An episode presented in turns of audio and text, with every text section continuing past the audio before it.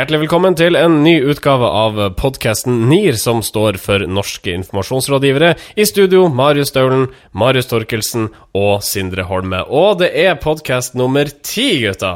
Det er fantastisk at vi har fått konsesjon for ti sendinger, og eh, sånn som vi har levert hittil, både med tanke på variasjon i innhold, eh, engasjement blant lyttere, eh, Facebook-likes, så ser det ut til at vi får konsesjon for i hvert fall ti til. Mm. og det er jo eh, gledelig nyhet. Vi vet jo dog at Medietilsynet følger med oss, og vi har jo fått beskjed om at hvis ikke vi Uh, altså, Hvis vi på en måte går utafor de rammene vi har fått tildelt, så vil vi bli satt under administrasjon. Ja, og så Siden vi er lisensfinansiert, så vil jo også Riksrevisjonen følge godt med på hva vi driver med, ja. og antageligvis slakte det vi driver med, hvis vi bruker ressursene på en dårlig måte. Ja. Uh, hvor det går ellers, forresten? Ja, Det går bra. Jeg, begynner å glede meg til jul. Eh, jeg gleder meg veldig til alle de Facebook-julekalenderne jeg skal åpne ja, framover. Er, er, de kommet allerede? Ja, det var litt interessant. Altså, jeg tenkte, altså, Julegatene blir jo tidligere for hvert år, men eh, jeg tenker eh, Julekalendere kan vel egentlig ikke bli tidligere enn 1.12. Men jeg så at Startur var ute nå med julekalender, og de skal begynne å åpne den uh, faktisk før 1. desember. okay. uh, og da tenkte jeg ok, så den også står for fall, altså den tradisjonen der. Ja. Uh, når er første søndag i advent, egentlig? Det, begynner, begynner, det midt i november snart? Eller, ja, ja, ja. Altså det er først på åttende søndag i advent at vi kan pynte treet. Sånn kommer det til å bli. Jeg, jeg, jeg syns det sier mye om Starter, som er litt sånn framifrå mytebrytende virksomhet. og altså, Det er jo tydelig at det liker hele, hele, kultur kultur, å måtte bryte tabuer, ta et oppgjør med eh, samfunnet slik vi kjenner det i dag, og altså åpne julekalenderne før tida. Jeg føler kanskje det at Startur bare ved å eksistere gjør et slags opprør mot menneskeheten, all den tid folk knapt bestiller eh, sine ferieturer gjennom reisebyrå lenger. Gjør de det? Ja, men jeg tenker at De har et veldig konkurransefortrinn når en gang man finner ut av hvordan man kan tjene penger på å sende folk til verdensrommet. Eh, for da har de jo et navn som eh, altså, ligger som er rede for det. Ja, Der er det jo uendelige muligheter. Det tar lang tid å komme fram, men du vet jo det at uh, Sydenturister de er jo ikke opptatt av hvor de kommer. Altså De husker jo ikke hvor de har vært engang. Sånn at du kan like godt sende dem til stjernene. Mm. Månen, uh, Ayanapa altså er, Hvem bryr seg så lenge det er billig alk? Dette her begynte med julekalendere. Marius, har du noe mer eh, du har lyst til å fortelle i denne førjulstid? Ja, jeg vil begynne med et sånn oppslag fra i Tromsø forrige uke, hvor uh, overskriften var uh, 'PR-bransjen lurer mediene'. Uh, og Da var det en masterstudent som har gått gjennom en rekke pressemeldinger og funnet ut at det har blitt generert veldig mange avissaker da, på bakgrunn av det. Mm. og hans konklusjon var uh, 'PR-bransjen lurer mediene'. Fordi PR-bransjen har fått gjennomslag i avisene? Ja var også konklusjonen der at uh, pressen er ikke lenger den uh, femte statsmakt? Jo, jo, det var det. Han kalte jo uh, PR-bransjen den sjette statsmakt. Oh, så jeg ville kanskje endret den overskriften til 'Mediene lurer leserne til å tro at journalistene skriver saker selv'. Ja, jeg stiller meg bak den uh, overskrifta der. Ja. Jeg tror den er litt, litt, for lang for norsk formateringstradisjon hva overskrifta angår. Ja, Utover det terningkast seks. Stikktittel. Ja. Uh, vi har ei tettpakka sending også i dag. Vi skal bl.a. til Rogaland, der uh, de på et bybanekontor har uh, et kjempeønske om å få på plass en trekk. Vi skal snakke om klimasaken. Ja vel. Vi skal gi kudos til en kommune. Ok. Og vi skal innom en sportskjede. Ja vel. Da tror jeg vi skal bevege oss videre til ukas nyheter. Norske informasjonsrådgivere. Vi starta denne sendinga i idrettens uh, verden. Um, trener Petar Vukisevic er blitt beskyldt for å ha diskutert doping med en eller annen kollega for rundt ti år siden. Ja, nei, fordi uh, hans barn, da, Petars barn eh, Kristina Vukicevic og hennes bror Vladimir Vukicevic, uh, de har engasjert kjendis-PR-rådgiver Rune Brynildsen for å bistå dem i denne saken.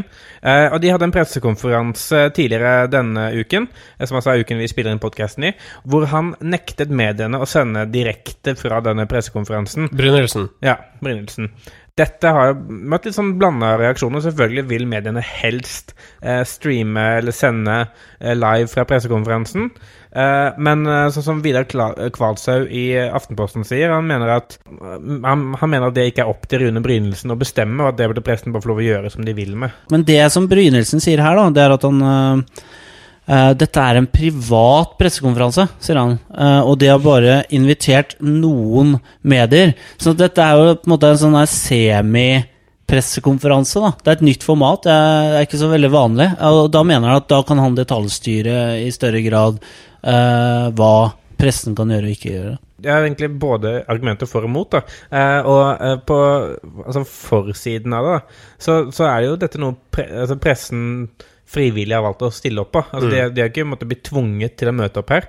Uh, og da kan man i teorien si at da får de akseptere de vilkårene de får. På den andre siden så skjønner jeg ikke helt hvorfor det skal være ikke skal være, være direkte. For jeg lurer på hva er argumentet for det? Fordi uh, Tenker man da at hvis de sier noe de ikke skulle ha sagt, så har man da muligheten til å justere i etterkant? Eller altså, jeg forsto ikke helt argumentene for at det skulle sendes i opptak. da. Jeg tror det er fordi at Rune Brynildsen ikke var trygg på hvordan de ville Ja, men da er det som Marius Mari sier, altså, ja, og så Altså, hvis de hadde gjort noe dumt her på den semi-pressekonferansen, det ville blitt gjengitt i avisa. Ja, men jeg, jeg tenker det, det kan jo være sånn, rent sånn menneskelig hensyn. altså Hvis de skulle brutt sammen i gråt og Det er en ganske sånn tøff materie i og med at det er som er stemora deres som beskylder faren for å være altså, altså bygd en karriere på løgn. da Eh, Så det, kan jo være det. uh, men han kunne, de uansett uansett ikke krevd at mediene skulle klippet noe bort eller fjernet noe. eller noe sånt. Uh, hva, men hva er det med medias hig nå, bare fordi at man har fått tilgang til bredbåndslinja, og, og skulle drive og sende alt på direkten på død og liv? Hva skjedde med den portvokterrollen der man på en måte ikke bare skulle stoppe de sakene som ikke har nyhetens interesse, men også begynne å filtrere ut, sånn at vi serverer de vesentlige poengene til eh, seere og lyttere? Ja, men altså, det kan jo være positivt også. For de Altså- som har tid og ork til å sette seg inn i en sak da, og se en hel pressekonferanse live. For det, for det de gjør nå, det er jo så send, De sender alt ufiltrert, og så kommenterer de det isteden etterpå. Altså, så, så, så kommentariatet er jo mye mer fremtredende enn det har vært tidligere. Uh, så istedenfor å redigere og, og på en måte å lage vinkling, da, som journalister pleide å gjøre, så sender man alt liksom rett ut, og så tar man etterpå og eh, hanker inn en eller annen kollega da, som kan tolke for oss hva var det vi egentlig så nå. ja. men Det er jo det de gjør nå. Ja. Tommel opp eller tommel ned for at uh, PR-rådgiver Rune Brynildsen uh, stenger for muligheten til å sende direkte fra pressekonferanse. Jeg er tilbøyelig til å ta tommelen opp, jeg, altså. Ja vel? Jeg, instinktivt så sier jeg tommel ned, men jeg, jeg er veldig usikker egentlig på hva jeg mener om det. Ja, du får tenke på det, og så får de gi oss en konklusjon på slutten av sendinga. Ja. Norske informasjonsrådgivere. Vi skal til Rogaland, nærmere bestemt Bybanekontoret, som eh, er et kontor som tydeligvis har behov for eh, PR-hjelp. De har brukt en del eh, millioner på public relations, og får nå kritikk for det. De får kritikk av politikere i, eh, lokalt i Stavanger for eh, mye For å ha brukt mye penger på PR-tjenester innhenta av eh, fra, eller Tjenestene er eh, gitt av Børsen Marsteller, et stort PR-byrå som uh, hovedkontor her i Oslo. Ja. Og der er det jo da diskusjonen eh, hvorfor har de brukt så mye penger på PR-tjenester. Ja, for hva, hva kan du bruke dem på, egentlig? Altså det Bybanekontoret de, Nå er det ikke noe bybane i Stavanger, så det høres ut som det er sånn tullekontor. Men det er det ikke, da. Det, det, de hadde samme eh, type organisering i Bergen før de fikk bybane der. For det er jo det Stavanger nå har sett at Bergen har fått. Og, og de har eh, også lyst på en sånn bybane, som jo er trikk, egentlig. Altså det vi i Oslo kaller trikk. Eh, så de planlegger uh, traseer eh, for hvor bybanen skal gå, og de informerer publikum og politikere og andre interessenter, næringsliv osv. om planer for Bybanen, eller hvor den eventuelt kan gå. I den saken her så møter jeg meg selv litt i døra, da. Fordi vanligvis så, når jeg leser en sånn sak som PR-byrået lurte kommune for atskillige millioner, eh, så pleier jeg å, å skylde på journalisten og tenke at han er forutinntatt for PR-bransjen. Eh, men når jeg leser denne saken her om eh, Stavanger bybanekontor, så tenker jeg at eh, her, Børsen Marsteller, har dere virkelig vært veldig gode rådgivere her. Eh, for det kommer fram at de bl.a. har solgt inn en eh, krisetelefontjeneste eh, som er døgnbemannet, som betyr at Stavanger bybanekontor kan ringe Børsen Marsteller når som helst hvis noe skulle gå galt, eller de trenger litt sånn eh, ekspress medierådgivning eller et eller annet. Ja. Eh, og for et kontor som ikke har så mange ansatte, ikke har noe spesielt mye drift, så virker det som eh, veldig, veldig unødvendig. Det skjer ikke noe umiddelbart. Eh, det er ikke noen sånn umiddelbare kriser som kan oppstå. Her er det i så fall mer langsiktige ting. Eh, og og jeg, jeg, forstår ikke den, eh, det, det behovet, rett og slett. Og dermed så blir vel et sånn naturlig oppfølgingsspørsmål her, fordi NRK, når de orienterer om saken, så går jo kritikken hovedsakelig til Bybanekontoret, men kan NIR også kritisere børsen Marsteller her? Oppfatter jeg en slags kritikk? Ja, altså eh, Jeg mener jo at det vitner om altså Gjennom det vi har fått vite i mediene, da, det er et forbehold, Ja. eh, så vitner det om eh, dårlig rådgivning, rett og slett. Og at man har vært mer opptatt av å, vokse kunden enn å faktisk gi kunden det den trenger. Da. Mm. Det ville jo blitt som om noen hadde solgt Bybanekontoret et billettsystem som, som gikk i kraft nå i, i, i desember. Eh, altså Her burde kanskje Oslo kommune ha kommet på banen og solgt det helvetes Flexus-systemet sitt til eh, Stavanger. Du kjøper den også for det ekstra god pris. ja, fem millioner. Tommel opp eller tommel ned for Bybanekontorets bruk av uh, PR-penger? Tommel opp. Det er sikkert velanvendte penger når Bybanen en gang kommer. Ok, tommel opp eller tommel ned for at børsen Marsteller uh, spilte inn og solgte krisetelefon, døgnbemanna som sådan. Tommel ned. Tommel ned. Satt så langt inne. ja, men greit, da kommer vi oss videre her. Norske informasjonsrådgivere. Eh, Klimatoppmøtet i Doha er i gang angivelig. Dette her er da et toppmøte som har fått ekstremt liten oppmerksomhet i media. Man skulle kanskje tro, med tanke på de siste års klimaoppmerksomhet, at dette her er noe som på en måte verdenspressen går mannen av huset for å dekke, men her hjemme i hvert fall så er det så godt som ingen saker om dette klimatoppmøtet. Hvorfor eh, det? Det som, det som jeg tror kanskje har skjedd, da, det er at uh, vi har blitt uh, forelagt en krise uh, i ganske mange år nå. Og når folk hører om at det er en klimakrise lenge nok, så blir det normaltilstand, tenker jeg. For de som husker da, denne presentasjonen til Al Gore, så har han en sånn graf der som viser sammenhengen mellom CO2 og temperatur. Og han sier at eh, CO2-utslippet i, i atmosfæren har økt, og temperaturen følger det, altså global oppvarming. Eh, nå har jo forskere, eh, i hvert fall en gruppe forskere, eh, konkludert med at det er motsatt. Altså at temperatur øker, derfor øker CO2. Og det, og det vil jo faktisk tilsi at mye av det altså, som hele miljøkampen og global oppvarming er bygd på, eh, rakner litt. Mm. Er vi godt lei av hele klimaspørsmålet? Er det noen som bryr seg lenger? Ja, er det egentlig det? Eh, fordi, altså, vi vet jo at uh, Arnold Schwarzenegger er engasjert i miljøet, Petter Stordalen er engasjert. Uh, og det er en del sånne kjendiser som uh, Bob Geldof annet, som vi vet har veldig mye penger for å holde foredrag om miljø. Eh, altså det, det er blitt en sånn derre Det er blitt en sånn uh, kul greie, da, eh, å være assosiert med. Eh, og det gjør jo at du føler deg nesten litt sånn teit hvis du er engasjert i miljøet som vanlig dødelig. Jeg, jeg, jeg ser for meg at eh, eh, altså klimatoppmøtet da, og miljøkampen generelt kunne hatt godt av en eh, rebranding. Eh, så jeg føler at eh, de burde kanskje invitert inn Julian Stubbs, eh, som vi diskuterte for et par uker siden, som nå skal lage slagordet for eh, Oslo, eh, til å lage et nytt slagord da, for klimatoppmøtet. Eh, The Capital of Climate Change, eksempel, eller noe sånt. Ja. Eh, og virkelig gjort en innsats på det feltet. Da. Bryr folk seg om klima lenger, ja eller nei? Nei til voldtekt av moder jord. Folk eh, bryr seg, men eh, føler ikke at de har noe å bidra med. Det var ingen av dere som klarte å svare på spørsmålet mitt. Jeg ba rett og slett om et ja eller nei, men det er greit. Uh, vi, Jeg starta settingen min med nei. Ja. ja. vi, Jeg tror vi kommer oss videre. Nier. Ikke gjør dette. Og da skal vi snakke om sportskjeda XXL, som eh, har havna i et slags hardt vær om dagen. For de har laga en ny reklame. Og i den eh, kampanjen som har gått på TV, så er det da noen zombier involvert.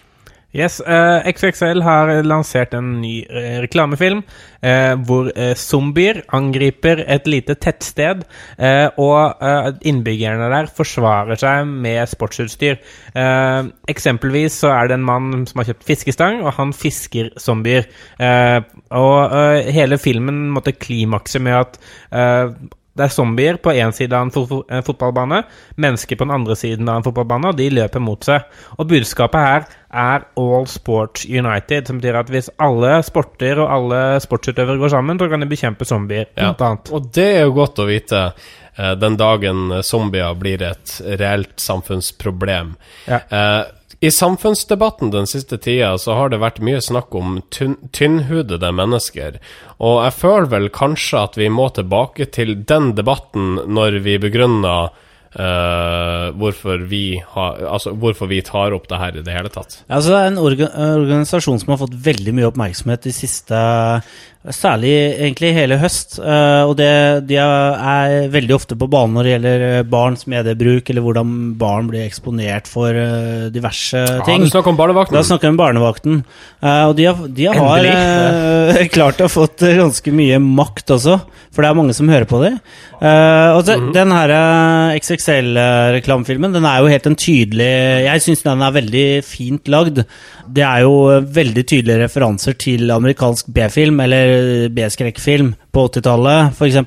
Eh, sånn, nesten litt sånn splatter-filmer. eh, zombiefilmer derfra, og det er veldig tydelig i den filmen her at det er et helt annet univers enn det vi er vant til her hjemme. Men barnevakten er ikke enig med det du sier nå. Jeg synes jo det er helt de syns det er helt forferdelig, og de har fått eh, sterke reaksjoner. Og det endte med at eh, hele reklamen rett og slett ble fjerna fra TV-skjermene. Ja, eh, XXL eh, Først så tok de den av eh, av skjermen og eh, la ut en eh, post på sin Facebook-side og sa vi har tatt en vurdering, og nå tar vi den av. Eh, men dere kan fortsatt se den her, da, hvis dere vil. Eh, og så var det så mange som har skrevet inn sånn Ja, men den var jo dødskul, og sånn som dere sa. Norsk, nei, amerikansk B-film og uh, veldig kule referanser og sånn. Uh, og så uh, har de nå valgt å ta den tilbake igjen på skjermen, men kun etter klokka ni. Er dette her legitimt syt fra barnevakten, eller er det rett og slett slik at vi tåler for lite? Altså, noe av kritikken derfra har gått på at uh, reklamen er vist i liksom, sånn beste familiesendetid. Uh, men altså, altså, altså Barn kan bli skremt av det, og de kan få kanskje et mareritt av å se denne reklamen en gang. Men uh, da vet jo foreldrene at det er bare å zappe. Eh, de aller fleste har jo nå TV, sånn at man kan spole over reklamen uansett. Ja. Uh, og, og jeg tenker sånn Som merkevare så tenker jeg at for XXL sin del så syns jeg det hadde vært kult om de hadde fortsatt Altså de hadde liksom overhodet ikke hørt på kritikken. For jeg tenker på målgruppa deres er jo de som skal kjøpe sportsutstyret, og de ønsker å fremstå litt tøffe, litt macho. Eh, eller macho på den Birken-måten. Eh, Målgruppa deres er ikke barna som får mareritt av det her, så det skal nei, de egentlig drite i. ja. Men eh, men dette, jeg- dette her er ikke gjør dette spalta. Hvem er det vi egentlig sier ikke skal gjøre hva? Jeg, jeg eh, nominerte dette til Ikke gjør dette-spalta, ikke fordi de har lagd en zombiefilm som folk blir støtt av, men fordi de har brukt masse penger på først å produsere en reklamefilm, så å vise en reklamefilm, uh, som eh, ender med at folk diskuterer hvorvidt de liker uh, reklamefilmer, og hvorvidt, hvorvidt zombier er et uh, korrekt kommunikasjonsfaglig virkemiddel eller ikke. Og da mener jeg altså XXL sin rolle i dette her går litt tapt, da, rett og slett. Fordi eh, det jo filmen viser, er at eh, man kan bruke produkter som man kan få kjøpt på XXL og alle andre sportskjeder eh, for å bekjempe zombier. Eh, og altså, budskapet i filmen eh, og, og altså, filmens effekt forsvarer ikke pengebruken, sånn i min bok i hvert fall. Det, det, det det viser, da, det er vel at eh, XXL eh, og reklamebyrået kanskje ikke har en trygg nok, god nok plattform for akkurat det, den reklamefilmen de har valgt. Altså, hvis de hadde vært trygge Altså, hvis de hadde hatt en skikkelig godt eh, strategi i bunn, så ville de kanskje kunne gått ut og sagt ja, men nei, dette står vi for. Dette er akkurat sånn vi skal fremstå. Det er helt riktig for oss. Ja. Eh, Zombie killers, that is us. Det er oss. Ja. Hvis- Hvis du ikke liker folk som dreper zombier, da er ikke vi riktig kjede for deg. ja. Um, ok, uh, så Så ikke drep zombier hvis du ikke er veldig trygg på at det er Ja. det som er riktig å Hvis, gjøre. ja, hvis du ikke mener det. Ok, gjør det, ikke gjør det, da. Marketing 3.0. Social business. Cloud computing. Social shopping. Begrepsforvirring. Og Jeg er så glad at vi har denne spalta igjen, for det er noen uker siden sist. Og det er du, Sindre, som har funnet ukas eh, begrep som forvirrer. Ja, eh, det, så det ordet vi har valgt å ta tak i denne gangen her, som eh, vi syns begynner å bli merkelig brukt og utvanna, det er ordet bærekraft. Bærekraft, eh, det er jo eh, Det ble brukt første gang faktisk av Gro Harlem Brundtland. Eh, Den, eh, det ble nevnt i Brundtland-rapporten i 1987. eh, Der bærekraftig utvikling blir eh, definert som en utvikling som imøtekommer behovene til dagens generasjon, uten å redusere mulighetene for kommende generasjoner til å dekke sine behov. Ja, altså Det handler rett og slett om at vi må leve på et vis som ikke går utover de fremtidige generasjoner, altså våre barn og, og barnebarn. Og, og, da er det altså Det ligger jo i denne spartens natur at det eksisterer en del forvirring her, og hvor ligger forvirringa? Ja, det som er litt av problemet, er at begrepet har jo da gått fra den politiske arenaen til å komme inn i næringslivet. Okay. Eh, og eh, ma eh, i mange tilfeller så er det helt riktig. F.eks. Ikea har en egen eh, bærekraftstrategi som går på hvordan de kan eh, bruke eller få produkter til å Eller gjenvinne produkter f.eks. som de selger på en eh, riktig måte, mens andre bruker det i økono økonomisammenheng. Man snakker om økonomiske bærekraft osv. Nei, fordi altså, Økonomisk bærekraft, sånn som mange bruker det, har faktisk blitt det å eh, tjene mer penger enn det man bruker. Eh, så, altså operere på en, på en eh, forretningsmessig riktig måte. Altså det, det, det som økonomene da låner De låner jo det begrepet her for å, for å skape eh, For å gjøre det litt mer etisk, det man selv gjør. Eh, fordi man, hvis man putter på bærekraft, så virker det som om det er mer forsvarlig, det man gjør, i alle eh, for alle, egentlig. Ja. Eh, Jeg bare, bare et uh, sånn ganske nytt eksempel jeg så på Min Mote. Ikke spør meg hvorfor jeg klarte å forville meg inn der, men er der sto da Olav uh, Thommessen, Uh, som eh, også jobber som rådgiver innenfor CSR og samfunnsansvar, og stryker en skjorte og sier at eh, hvis man stryker skjorten selv, så, eh, så eh, gjør man det litt mer bærekraftig. Ja, for det å stryke skjorta sjøl sikrer også de fremtidige generasjoner. Det, altså Sannsynligvis så er, så er ikke det sant. da, for jeg, jeg ser for meg at hvis man da leverer altså Alternativet er jo da å levere skjorten til et renseri. Jeg tenker De har i hvert fall stordriftsfordeler og kan gjøre ting effektivt. da, Istedenfor han skal stå med sitt dampstrykejern som han sier koster mellom 5 og 10 000 kroner, og stryke én og én skjorte. Uh, så, så det virker jo ikke bærekraftig. Ja, altså, altså bærekraftig uh, Bærekraft blir brukt uh, som et sånt fjongt ord Det blir brukt har som en hersketeknikk, egentlig. det nesten som. Ja, ja. på en måte. Fordi man, man kan ikke arrestere noen uh, hvis man bruker det. Altså, de som bruker det, ja, ok, da skal ikke jeg si noe på det. Ja, Du er bærekraftig. Mm. Ja, så- jeg, jeg respekterer deg og din bedrift. Eh, Du tok ut 50 millioner i overskudd i fjor. Bærekraftig. Den eneste riktige måten å bruke bærekraft på, kan du illustrere det på et vis? Ja, altså bæ Bærekraft sånn eh, på en, på en ideell måte er jo litt uh, Hvis det her regnskogsfondet til uh, norske staten fungerer, da, at man uh, bruker eh, penger eh, som er altså til å gjenplante skog, f.eks., så er jo det en bærekraftig eh, et bærekraftig system. Ok. Eh, og for alle de som bruker bærekraftig på andre måter enn det Holmis beskrev der, hva er beskjeden? Slutt med det, da. Ikke, ikke gjør det. NIR. Ukas kudos. Og denne uka her så eh, føler vi for å skryte på kommunalt plan.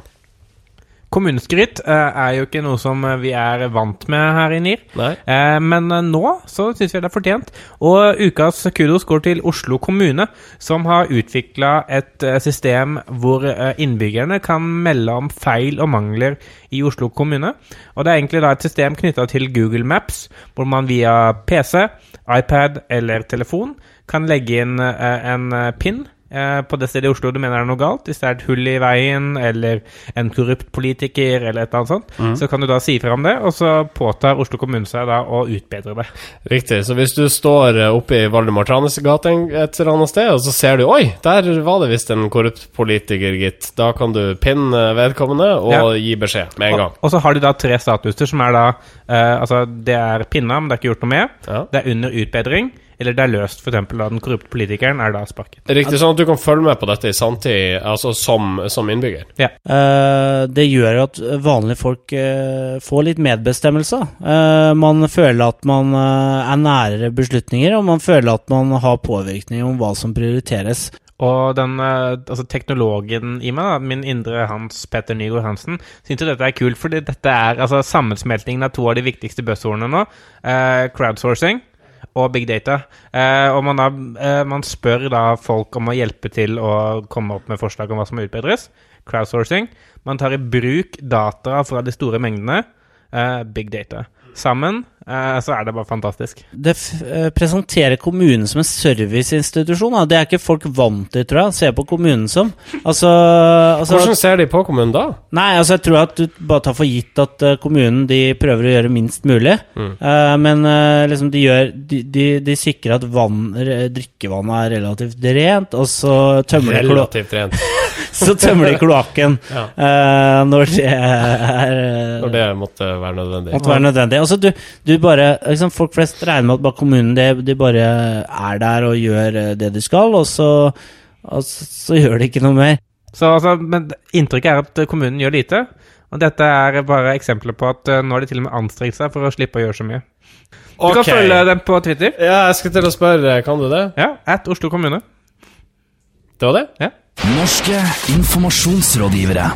Yes. Vi er på det punktet i sendinga der det er på tide å avrunde. Husk at du alltid kan sende oss en e-post. Vi har en eh, døgnbemanna krisepostadresse. Den er Nearcast at yahoo.com. Vi har også ei SoundCloud-adresse. Vi er selvfølgelig tilgjengelig på iTunes nå, men hvis du heller har lyst til å laste ned episodene våre i MP3-format, så er den adressa Soundcloud.com slash nearcast. der du også finner RSS-feeden vår, i tilfelle du ikke bruker iTunes.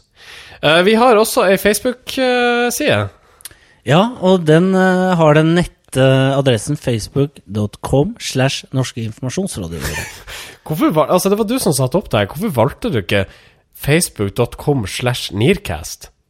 Eh, fordi at eh, jeg regner med at eh, folk syns det er litt hyggelig å kunne skrive litt langt iblant òg. Ja, jeg tror folk savner det litt. Det er sånn, altså, Langskrivning. som, som jeg hørte noen sa en gang, i en verden av uh, lyspærer så vil fortsatt noen uh, tenne et stearinlys. Og det er litt sånn sette pris på det gamle, da, skrive langt, selv om man kan skrive kort. Hvem sa det? Det er noen uh, Det, ja, ja, no, Noen sa det. Jeg tror vi stopper der, jeg. Um, det blir ny uh, Nearcast om ei uke. Uh, her fra Studio 2 i Nydalen sier følgende herremenn adjø. det er Sindre Holme. Det er Marius Torkildsen. Og det er Marius Stølen, og vi ønsker dere alle en frydefull dag. Dag. Dag. Norske informasjonsrådgivere. NIR.